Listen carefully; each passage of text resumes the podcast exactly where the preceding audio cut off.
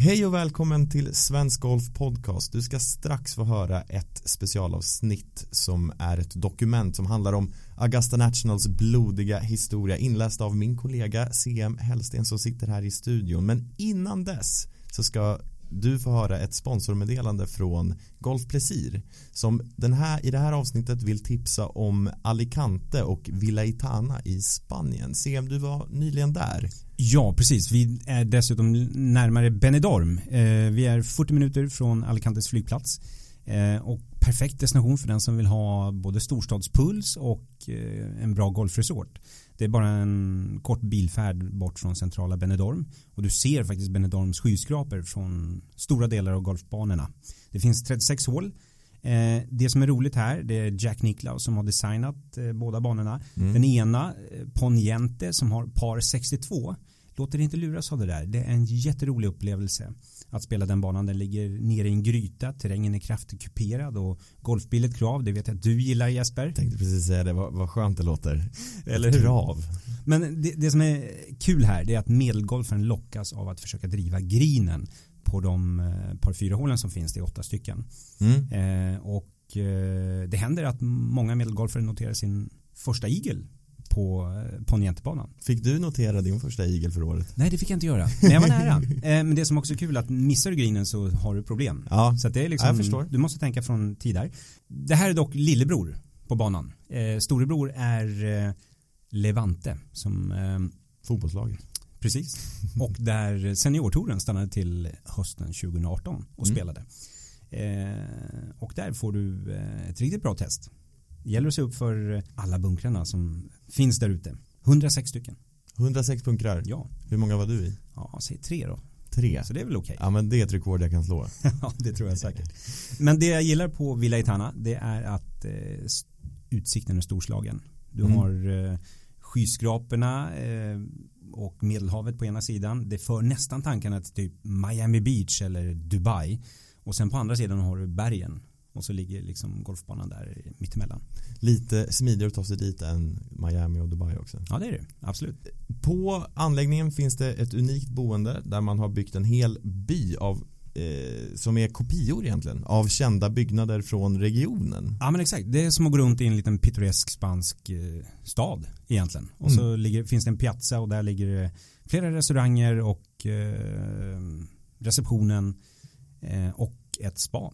Och en kyrka. Och en kyrka. Om man behöver be till Kyrkan mitt i byn. Golfgudarna. Exakt, och de vill vi alltid ha med oss. Ja. Så eh, gå in på golfplesir.se och läs mer om Villa i Tana. Vi säger tack till Golf Plesir. Det gör vi.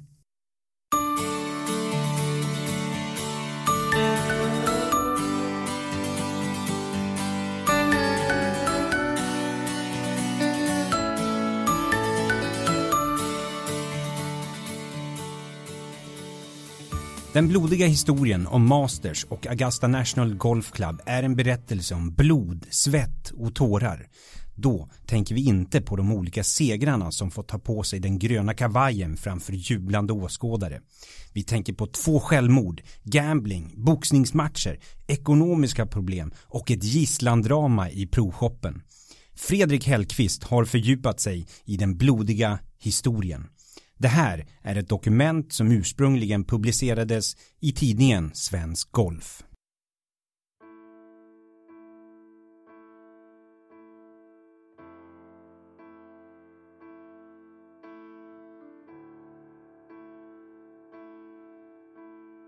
Liket låg på kanten av Vikes pond, vattenhindret namngivet efter president Eisenhower på det åttonde hålet på par 3-banan.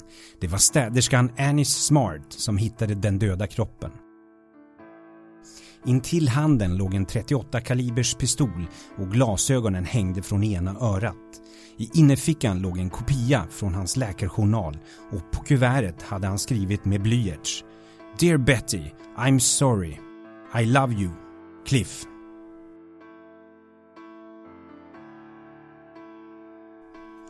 Ibland känns det som om Masters funnits för evigt. Som om Augusta National Golf Club alltid legat där vid Washington Road.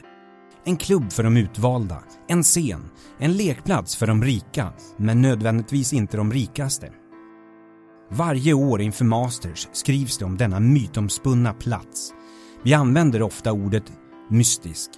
Det var också så han ville ha det. Mannen som tog sitt liv vid Ikes pond.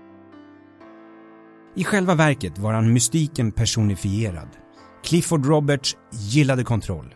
Han styrde Augusta National med järnhand utan någon som helst insyn och för många var det därför inte någon överraskning att han valde att avsluta sitt liv på egen hand. På det sättet valde han också sitt eget öde.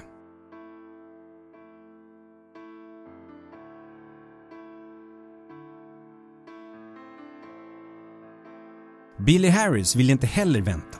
Förbaskad på president Ronald Reagan lät han besvikelsen rinna över när han hörde att Reagan befann sig på Augusta National för en golfrond tillsammans med sin partikamrat George Shultz.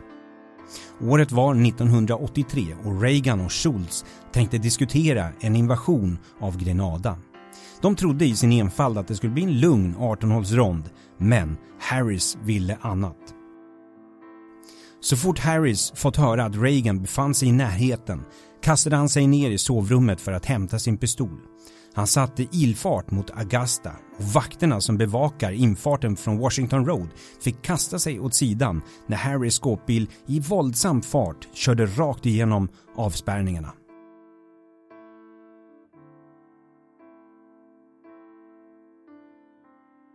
Harry stannade utanför klubbhuset och tog sig in i provshoppen. Där tog han gisslan och begärde att få träffa president Reagan.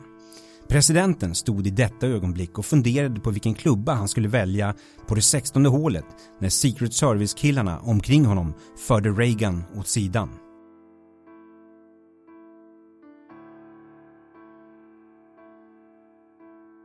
På kort tid var provshoppen omringad och prickskyttar stod uppställda på övningsgrinen. Harris började släppa gisslan efter en liten stund men pron David Spencer blev kvar där inne.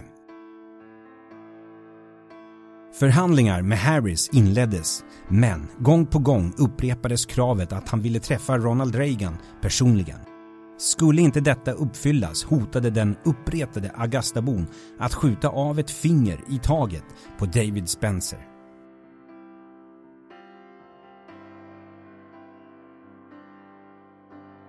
Efter verkningslösa diskussioner med Secret Service-agenterna tröttnade till slut Harris och sköt ett skott genom fönsterrutan på framsidan av provshoppen. Som tur var skadades ingen. I två timmar var dramatiken större på Augusta National Golf Club än vad Arnold Palmer och Jack Nicklaus någonsin framkallat. En chans att slippa undan kom dock när Harris blev hungrig och beordrade fram mat. Under ett visst tumult kunde Spencer smita ut och Secret Service-agenterna smita in och överbemanna Harris. Huruvida Reagan fullföljde sin rond förtäljer inte historien, men en vecka senare invaderades Grenada och Harris dömdes till fängelse.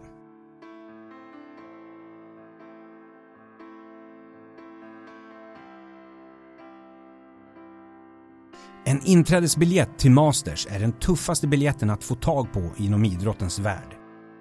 Biljetten ärvs i rakt nedstigande led och då förstår ni att det här är bekymmersamt. Men precis som allt annat i världen, förutom kärlek då, går biljetten att köpas för pengar. Men det kostar förstås därefter. 1972 skapades en väntelista för biljetterna. 1978 slopades idén.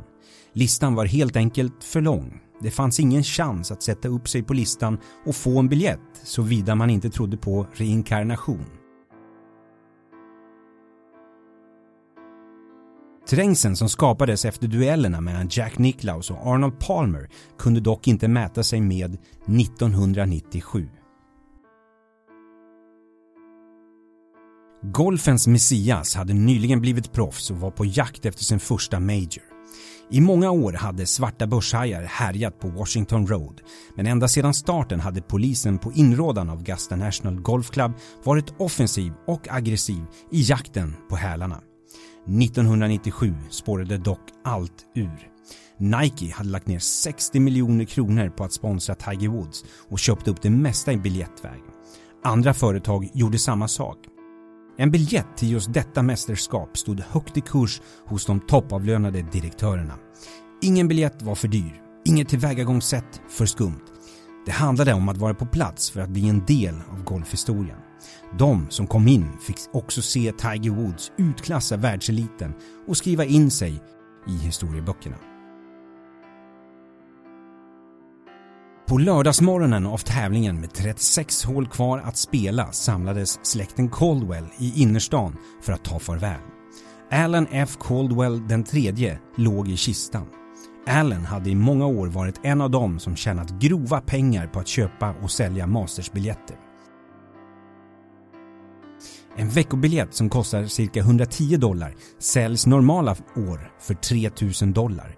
1997 var priserna de dubbla, i vissa fall de tredubbla. Det hela blev till ett stort huvudbry för Allen F Caldwell. Caldwell hade lovat bort 100 biljetter till ett av de större företagen i USA. Under sina år som svarta börshaj hade han skapat ett stort register med personer som var beredda att sälja sina mastersbiljetter. Den här gången var det dock inte lika enkelt eftersom efterfrågan från andra svarta börshajar och företag var enormt. Personerna som Caldwell muntligen gjort upp med ångrade sig och sålde biljetterna till andra. Caldwell försökte på alla sätt men utan större framgång. De sista dygnen i hans liv sov han inte en endaste blund. De sista dygnen i hans liv sov han inte en endaste blund. Han satt vid telefonen och försökte få loss biljetter in i det sista. Samtalen blev mer och mer desperata. Till slut insåg Caldwell att han hade misslyckats. De hundra direktörerna var på väg till Augusta med privatplan och han hade inga biljetter åt dem. Det var då Allen F Caldwell den tredje tog sin pistol och sköt sig själv. Han efterlämnade fru och barn.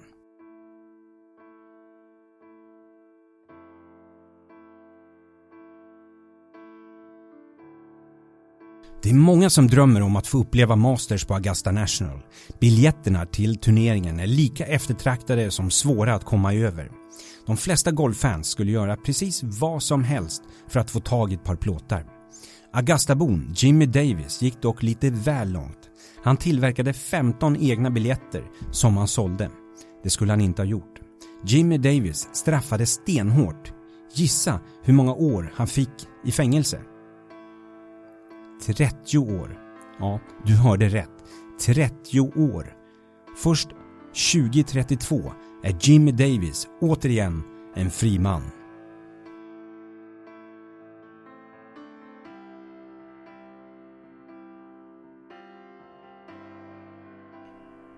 Om Allen F Caldwells självmord var ett desperat ögonblicksverk kan man lugnt säga att Clifford Roberts val att avsluta livet var mer planerat. Precis som allt annat han gjort. Clifford Roberts träffade Robert Tyre Bobby Jones 1926.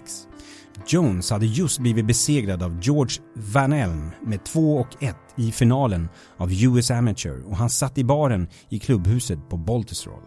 Även om karisma inte var det första man tänkte på när man såg Clifford Roberts måste han bevisligen ha gjort avtryck hos Bobby Jones. Snart såg nämligen Jones honom som en av sina allra bästa vänner.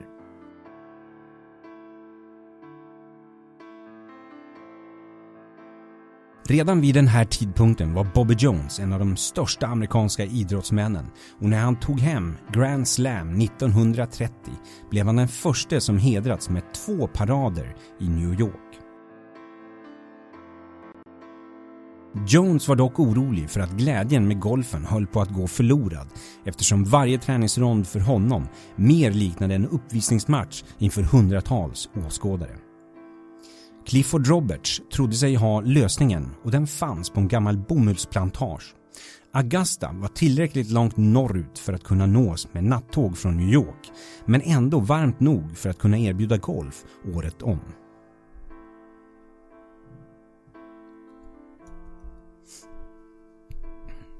I juli 1931 kom golfarkitekten Alistair Mackenzie till Augusta och han gillade vad han såg. Mackenzie hade ritat Cypress Point och St. Andrews och var den enda arkitekten Bobby Jones kunde tänka sig.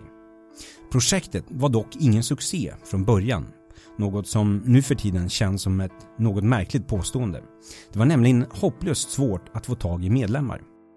Enligt den första planen ville Roberts och Jones ha ihop 1800 medlemmar och de sökte 350 dollar i inträdesavgift kantat med en årsavgift på 60 dollar. Få nappade. Inte ens när Roberts skapade en ny medlemskategori där insatsen bara var 100 dollar ville folk gå med. Trots problemen valde man att gå vidare med projektet och under 124 dagar byggdes det som skulle bli en golfikon, Augusta National Golf Club.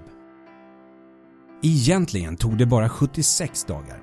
Av de 124 dagarna från start till mål regnade 30 bort och dessutom jobbade man inte på söndagar. Bygget kostade 85 000 dollar och stod klart 27 maj 1932. Då hade Roberts fått ihop 66 medlemmar.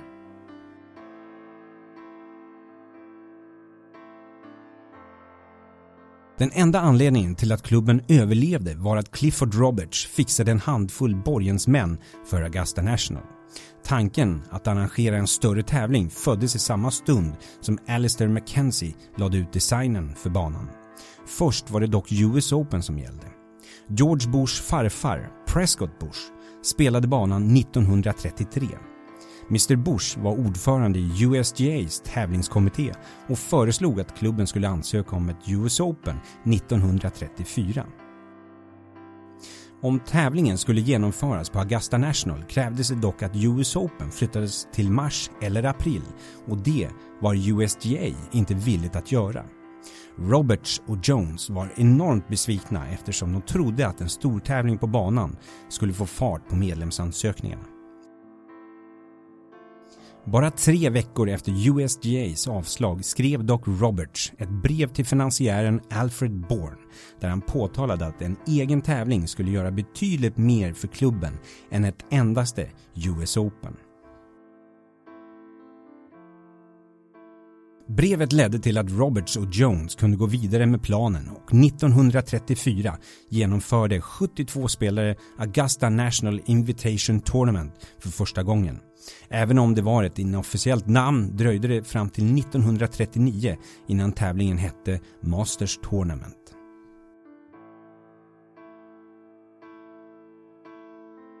Gene Saracens albatross på det femtonde hålet 1935 satte verkligen fart på skriverierna om tävlingen och medlemsstocken ökade. Clifford Roberts passioner i livet var golf, bridge och boxning och många av medlemmarna delade hans intresse. I takt med att Masters blev en allt större succé blev också Augusta National Golf Club mer och mer privat. Medlemmarna spelade golf om dagarna, fortsatte med bridge i klubbhuset och några sena kvällar i veckan var det boxning som gällde. Eftersom Augusta National saknade övernattningsmöjligheter på den tiden bodde medlemmarna på hotell Bonaire Vanderbilt. Här ordnade Bowman Milligan, den först anställde på klubben, boxningskvällar för medlemmarna. Vid den här tidpunkten var Augusta National Golf Club inte mer annorlunda än andra privata golfklubbar i USA. Den enda platsen för en svart var ändra att servera eller diska i klubbhuset eller bära klubborna som caddy ute på banan.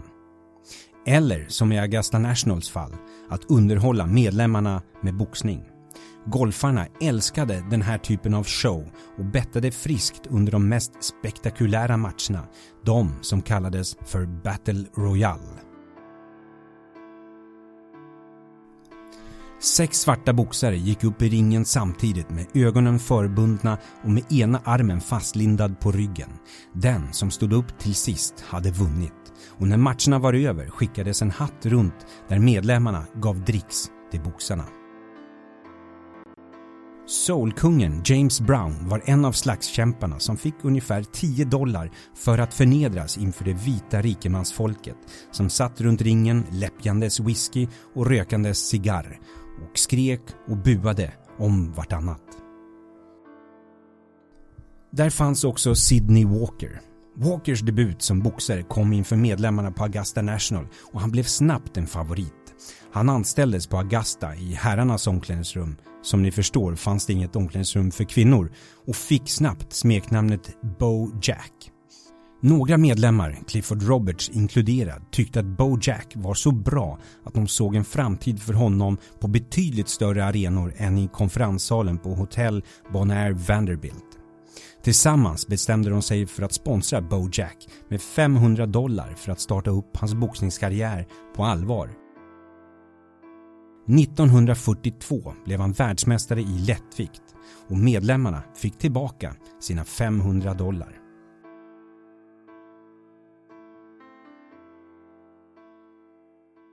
Här kommer ett meddelande från Golf Plesir som i det här avsnittet vill tipsa om Villa Itana i Benidorm i Spanien. Där finns det 36 hål ritade av Jack Nicklaus och det är två banor som är belägna inom en kort bilfärd från havet, från Medelhavet och på andra sidan finns vackra berg och en fin utsikt. Dessutom så finns det där eh, många restauranger och en fin piazza och en, ja, det är en mysigt resmål och det det är av en anledning som vi har vår superstart på den anläggningen för att det är så fina golfmöjligheter helt enkelt. Ja, och Superstart är ju den resan som vi Svensk Golf eh, arrangerar tillsammans med Golf Plesir där man åker med Sveriges bästa tränare och får lektioner på förmiddagen och spelar efter lunch eller tvärtom. Så att eh, man blir en bättre golfare på sin resa. Mm, låter hur bra som helst. Det gör det. Vi säger tack till Golf Plesir.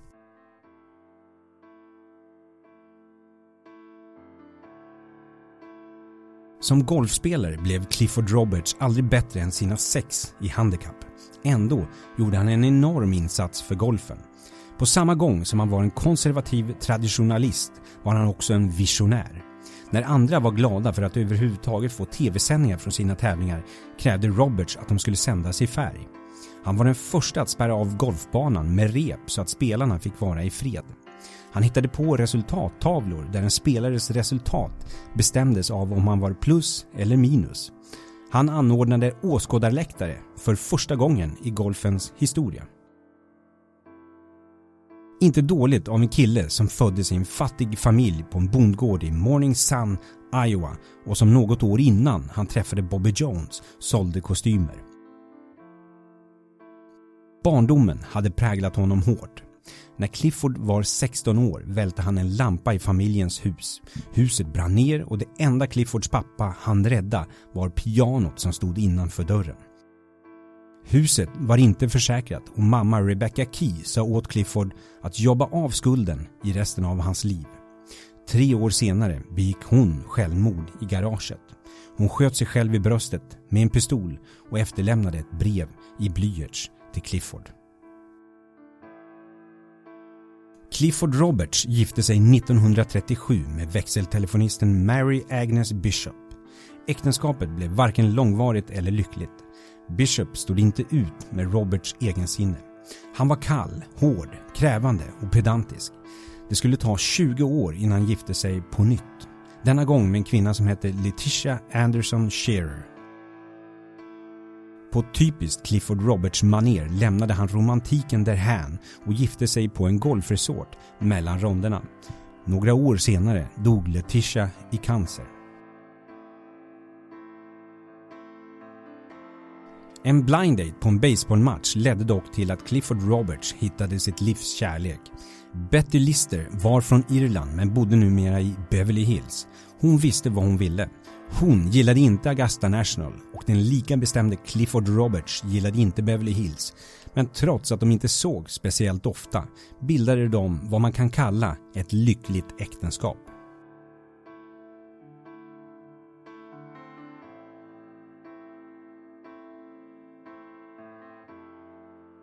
Roberts tillbringade nästan all tid på golfklubben och med Dwight Eisenhower som medlem och nära vän fick han också ett rum i Vita huset.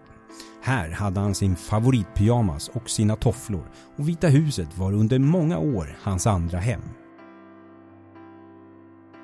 Roberts var finansiell rådgivare åt Eisenhower men trots att presidenten ville ha med honom på en mer framskjuten plats i sin stad trivdes Roberts bäst långt bort från strålkastarljuset i sitt lilla rum vid tionde utslagsplatsen på Augusta National.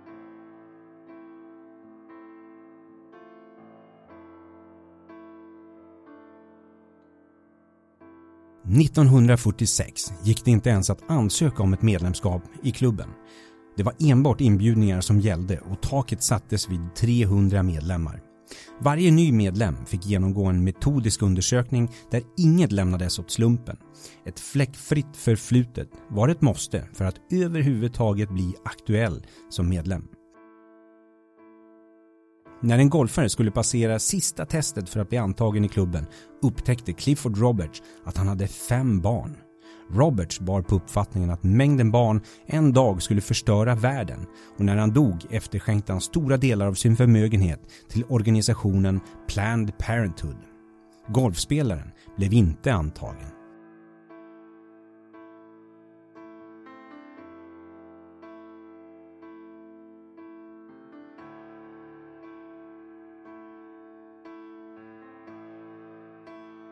Clifford Roberts ordningsamma läggning bidrog förstås och bidrar fortfarande till att Augusta National alltid varit och är en av världens vackraste golfbanor. Otaliga historier förklarar hur pedantisk Clifford Roberts var. Som exempel kan nämnas att tavlorna i klubbhuset på Augusta National hänger på två krokar. Roberts tyckte att det fanns en risk att de annars hängde snett. Roberts gillade inte heller använda dollarsedlar. Än idag när du äter lunch i klubbhuset får du tillbaka växeln i ovikta dollarsedlar. Roberts själv löste det hela genom att alltid bära med sig en mängd sedlar i olika valörer i sin plånbok. På så sätt behövde han aldrig få växelpengar som var smutsiga. När det gällde hans alltid korrekta klädstil kan nämnas att han ägde 25 kostymer, alla av samma märke och i samma färg. När han en gång fick tag på en slips som han tyckte om så köpte han också 25 stycken i samma färg. Mot slutet av sitt liv fick han dock problem med undertröjorna. Small var för litet och medium var för stort. Lösningen på bekymret fanns hos en av medlemmarna som i sin tur kände chefen på en klädfirma i North Carolina. Under några timmar låg resten av produktionen nere. Företagets första small medium tröjor var på väg ut från maskinerna.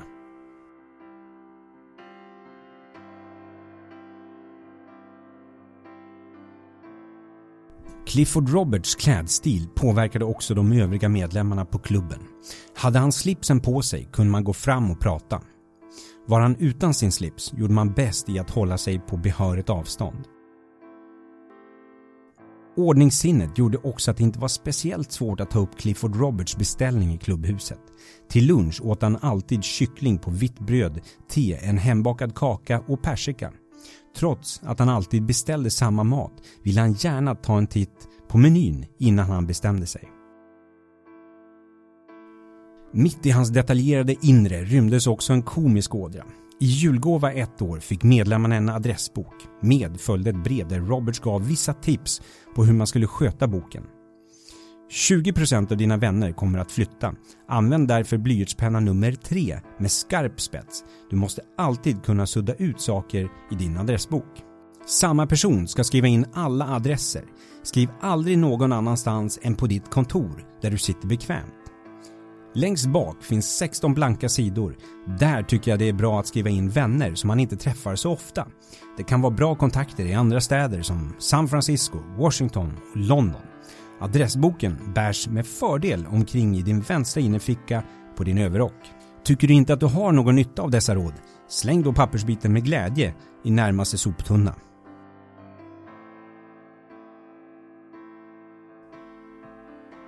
Bobby Jones dog i december 1971 efter en längre tids sjukdom. Clifford Roberts hade i flera år noterat hur läget blev allt sämre med hans bäste kompis. Bobby Jones led av syringomyeli, en mycket ovanlig sjukdom som upptäcktes 1948. Jones genomgick två operationer utan framgång och hade mycket ont den sista tiden. Roberts ville inte ha det så. Inför Masters 1977 blev Roberts sjuk. Han var 83 år och såg tv-sändningarna från bädden i sitt rum. Några veckor senare skickade han ett kort på sig själv till några av sina närmaste vänner där han tackade för deras stöd. Många tror att det var hans sätt att säga adjö. I september samma år togs han in på ett sjukhus i Houston. I sex månader hade hans hälsotillstånd stadigt försämrats men läkarna hittade inget fel på honom. Clifford Roberts var dock redo. Han beställde ett privatjet för att ta sig till Augusta National. Nu var han äntligen hemma. Nästa dag beordrade han Betty Jonker som jobbade i receptionen att åka in till stan och handla honom en pyjamas. Roberts gick till barberaren i klubbhusets frisering och tog sedan sitt vanliga eftermiddagsfika bestående av te och sockerkaka. På kvällen åt han sin favoriträtt bestående av lammkotletter och rostade potatisar i sitt rum. Han ringde till sin fru i Beverly Hills och la sig sedan vid tiotiden för att sova. Tidigt nästa morgon drog han på sig sin regnrock över pyjamasen och tog sig ner till Ikes pond. Hans sista önskan var att askan från hans kropp skulle spridas över Augusta National och att begravningen skulle ske i stillhet.